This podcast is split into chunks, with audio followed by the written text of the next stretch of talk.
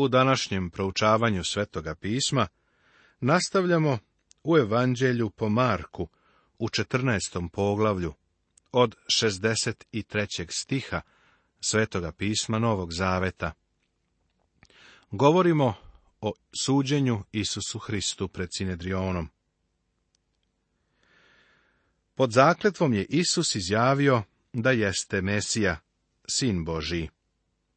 Dodao je i tvrdnju koja se odnosi samo na Sina Božjega. Videh u utvarama noćnim i gle, kao sin čovečiji iđaše sa oblacima nebeskim i dođe do starca i stade pred njim.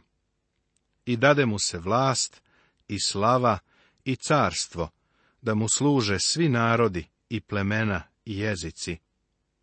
Vlast i njegova vlast večna, koja neće proći i carstvo se njegovo neće rasuti. Ovo je zapisano u knjizi proroka Danila u sedmom poglavlju. To su 13. i 14. stih ove knjige Svetoga pisma Starog zaveta. Prvosveštenik je shvatao to što je Isus rekao, kao i sve što se podrazumevalo. Svoje burne emocije ispoljio je tako što je pocepao odeću. Čineći to, prekršio je Mojsijev zakon, jer se prvosveštenička odora nije smela cepati. Na to prvosveštenik razdra svoje haljine i reče, šta nam još trebaju svedoci? Čuli ste hulu, šta vam se čini? A oni ga svi osudiše da je zaslužio smrt. I neki počeše da pljuju na njega i da mu pokrivaju lice, da ga udaraju pesnicama i da mu govore, proreci, i sluge ga udarahu po licu.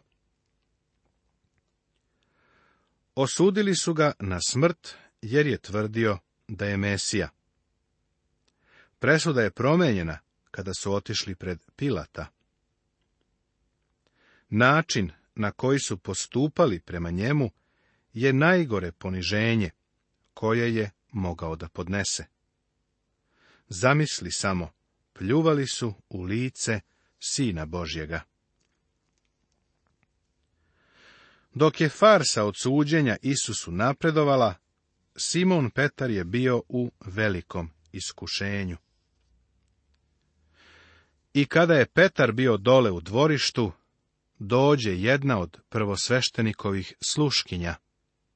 Pa videvši Petra kako se greje, pogleda ga i reče. I ti beše sa Isusom Nazarećaninom. No on odreče, govoreći. Niti znam, niti razumem što govoriš. I iziđe napolje u predvorje, a petao zapeva a sluškinja ga vide i poče opet govoriti onima što tamo stajahu. Ovaj je jedan od njih, ali on opet odricaše. Malo posle, opet prisutni rekoše Petru, zaista si od njih, jer si i Galilejac. Kratko sluškinjino pitanje učinilo je da se odrekne Isusa. Petar se u ovom trenutku stideo, što su ga prepoznali kao Isusovog sledbenika. Da li smo se ikada našli u sličnoj situaciji? Neka nam gospod oprosti naš kukavičluk i slabost, kao što je oprostio Petru.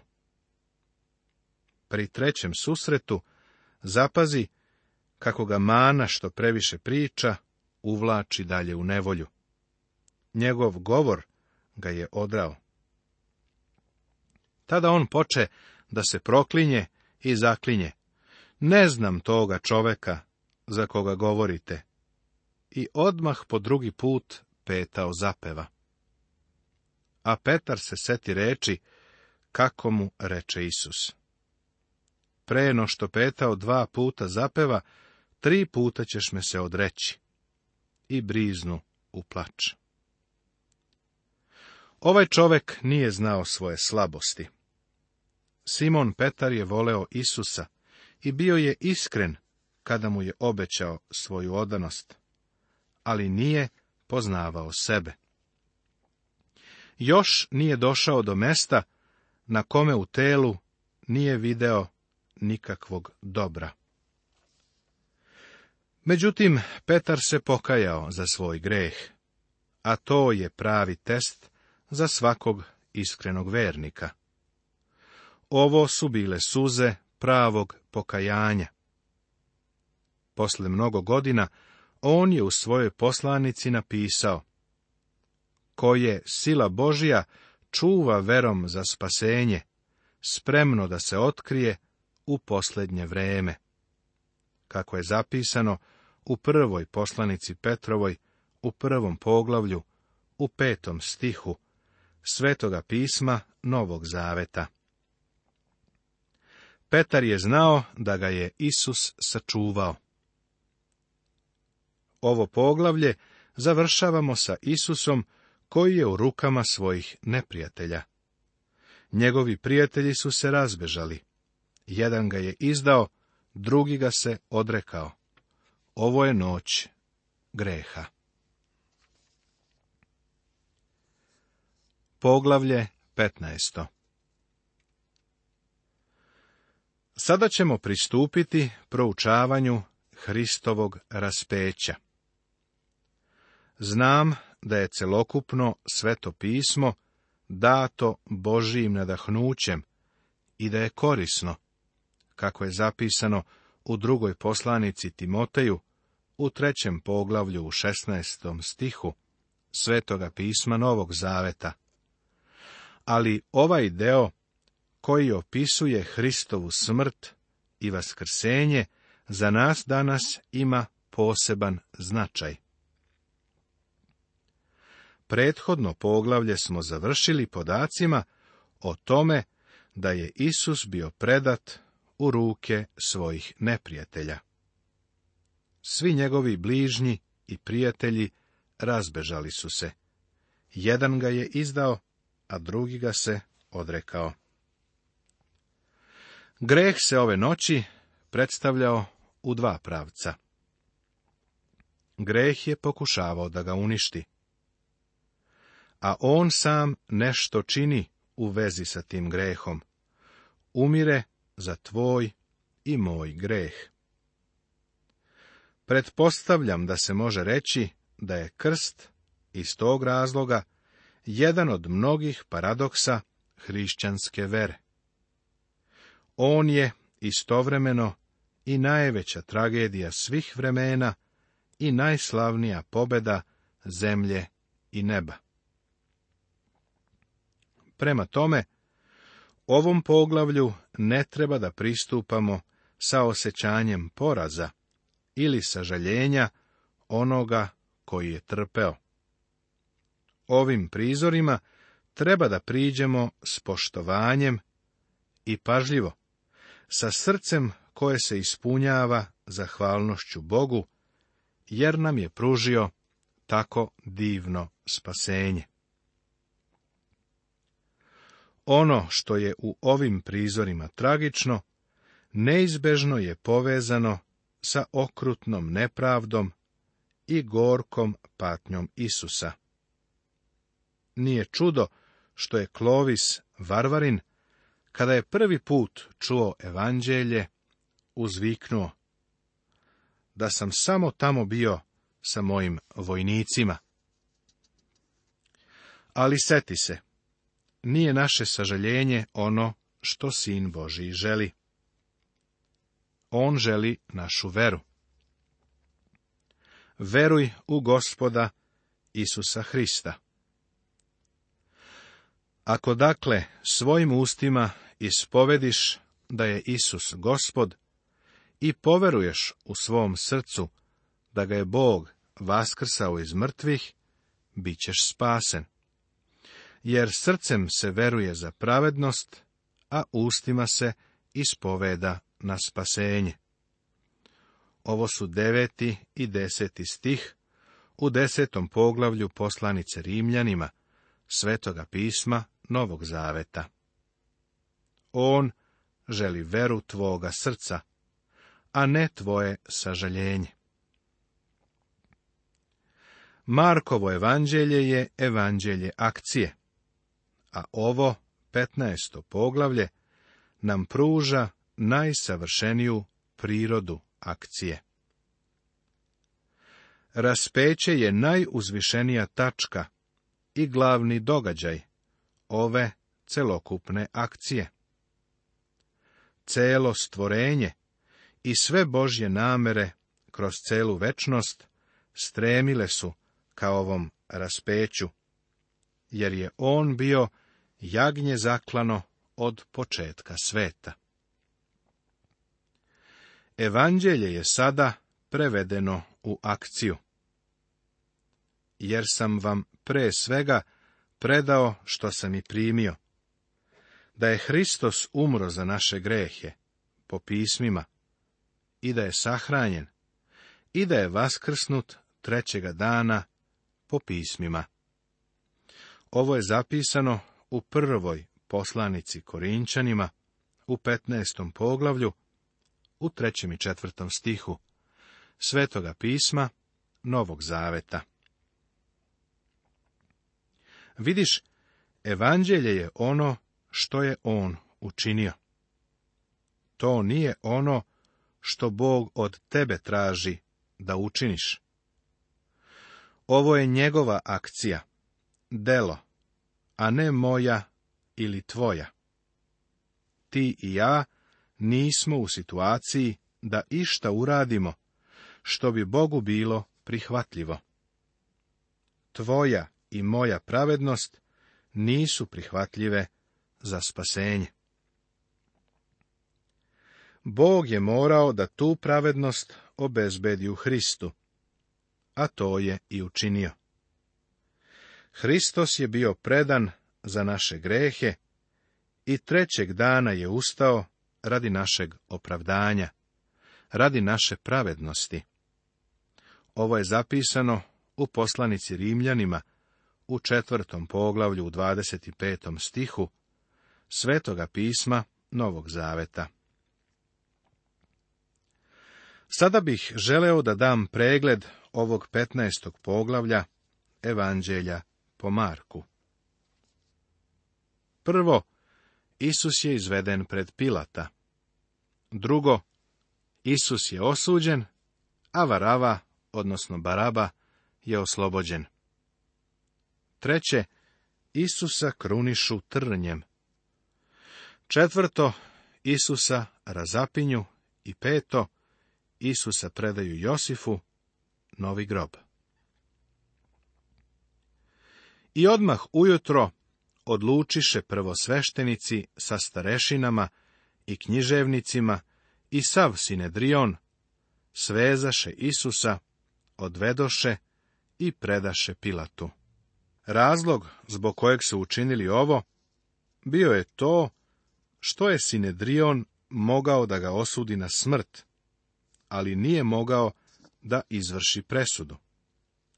Jedino je Rim mogao da to uradi. Prema tome, ovo telo je moralo da se pojavi pred rimskim sudom, radi odluke o smrtnoj kazni, o kojoj su odlučivali. Osuda sa kojom su ga optužili pred Pilatom nije mogla da se održi.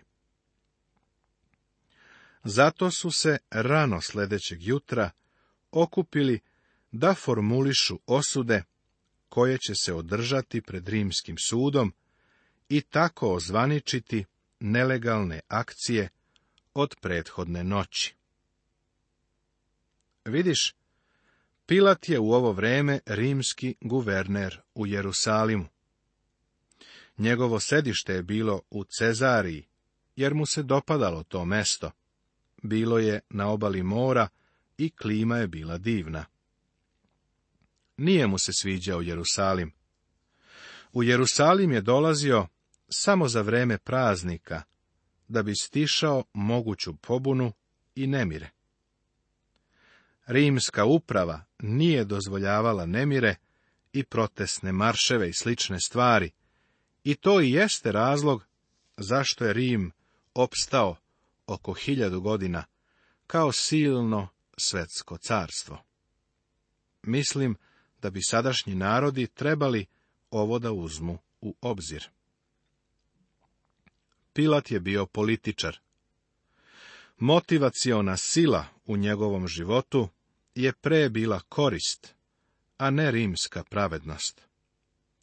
On je hteo da oslobodi Isusa, kada je uvideo da je Isus nedužan, ali je istovremeno želeo i da ugodi religijskim vođama.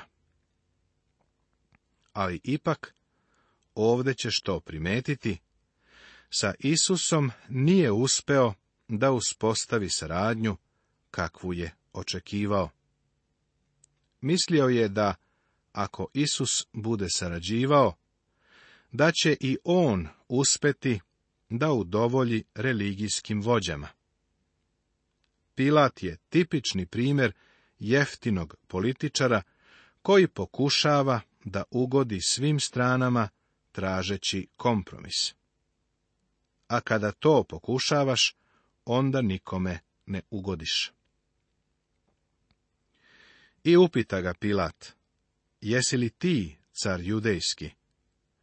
A on mu odgovori i reče, ti kažeš. To bi značilo isto kao kada bi rekao, u pravu si, jesam. I optuživahu ga prvosveštenici mnogo. A Pilat ga opet upita, zar ništa ne odgovaraš?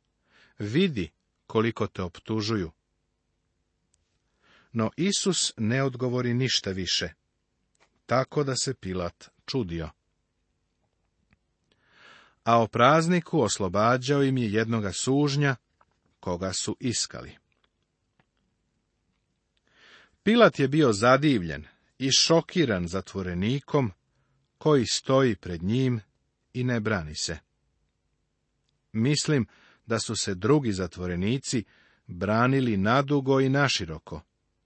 Ali ovaj zatvorenik je bio drugačiji. Nije se branio, a Pilat je želeo da sazna razlog za to. Ako uporedimo ovo sa Jovanovim evanđeljem, vidjet ćemo da je tamo prikazano značajno međusobno delovanje i uticaj na relaciji Pilat religijske vođe, jer je Pilat pokušavao da oslobodi Isusa. Odveo ga je na stranu da bi sa njim porazgovarao. Zatim je ponovo izašao, pa je opet Isusa uveo, nadajući se da će uspostaviti saradnju sa njim.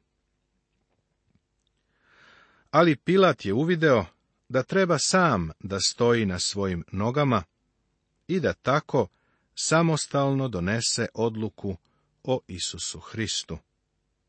To je upravo ono što svaki čovek i žena treba da učine.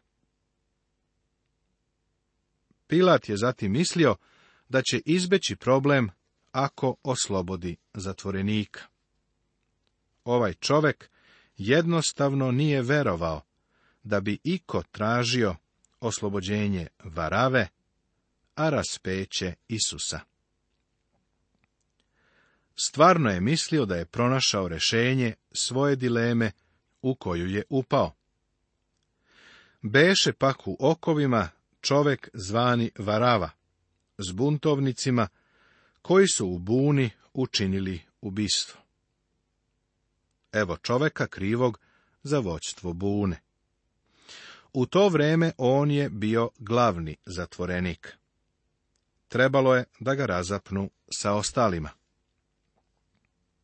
Mislim da je gospod Isus bio razapet na krstu namenjenom varavi. A Pilat im odgovori. Hoćete li da vam oslobodim cara judejskog? Jer je znao da su ga prvosveštenici predali iz zavisti. Ali prvosveštenici podstakoše narod da im radije oslobodi varavu. A Pilat opet odgovori i reče im. Šta onda da učenim sa onim koga zovete carem judejskim? No oni ponovo povikaše raspni ga. Ovde se desilo nešto neverovatno i nečuveno. Pilatu je bilo jasno da su optužbe protiv Isusa bile lažne. On sada ovde, u svojim rukama, ima zatvorenika koji je bio izuzetan kriminalac, pa pravi poređenje između njega, varave i Isusa bio je siguran da se ljudi neće usuditi da traže oslobođenje varave i raspeće Isusa. Nastavit će se.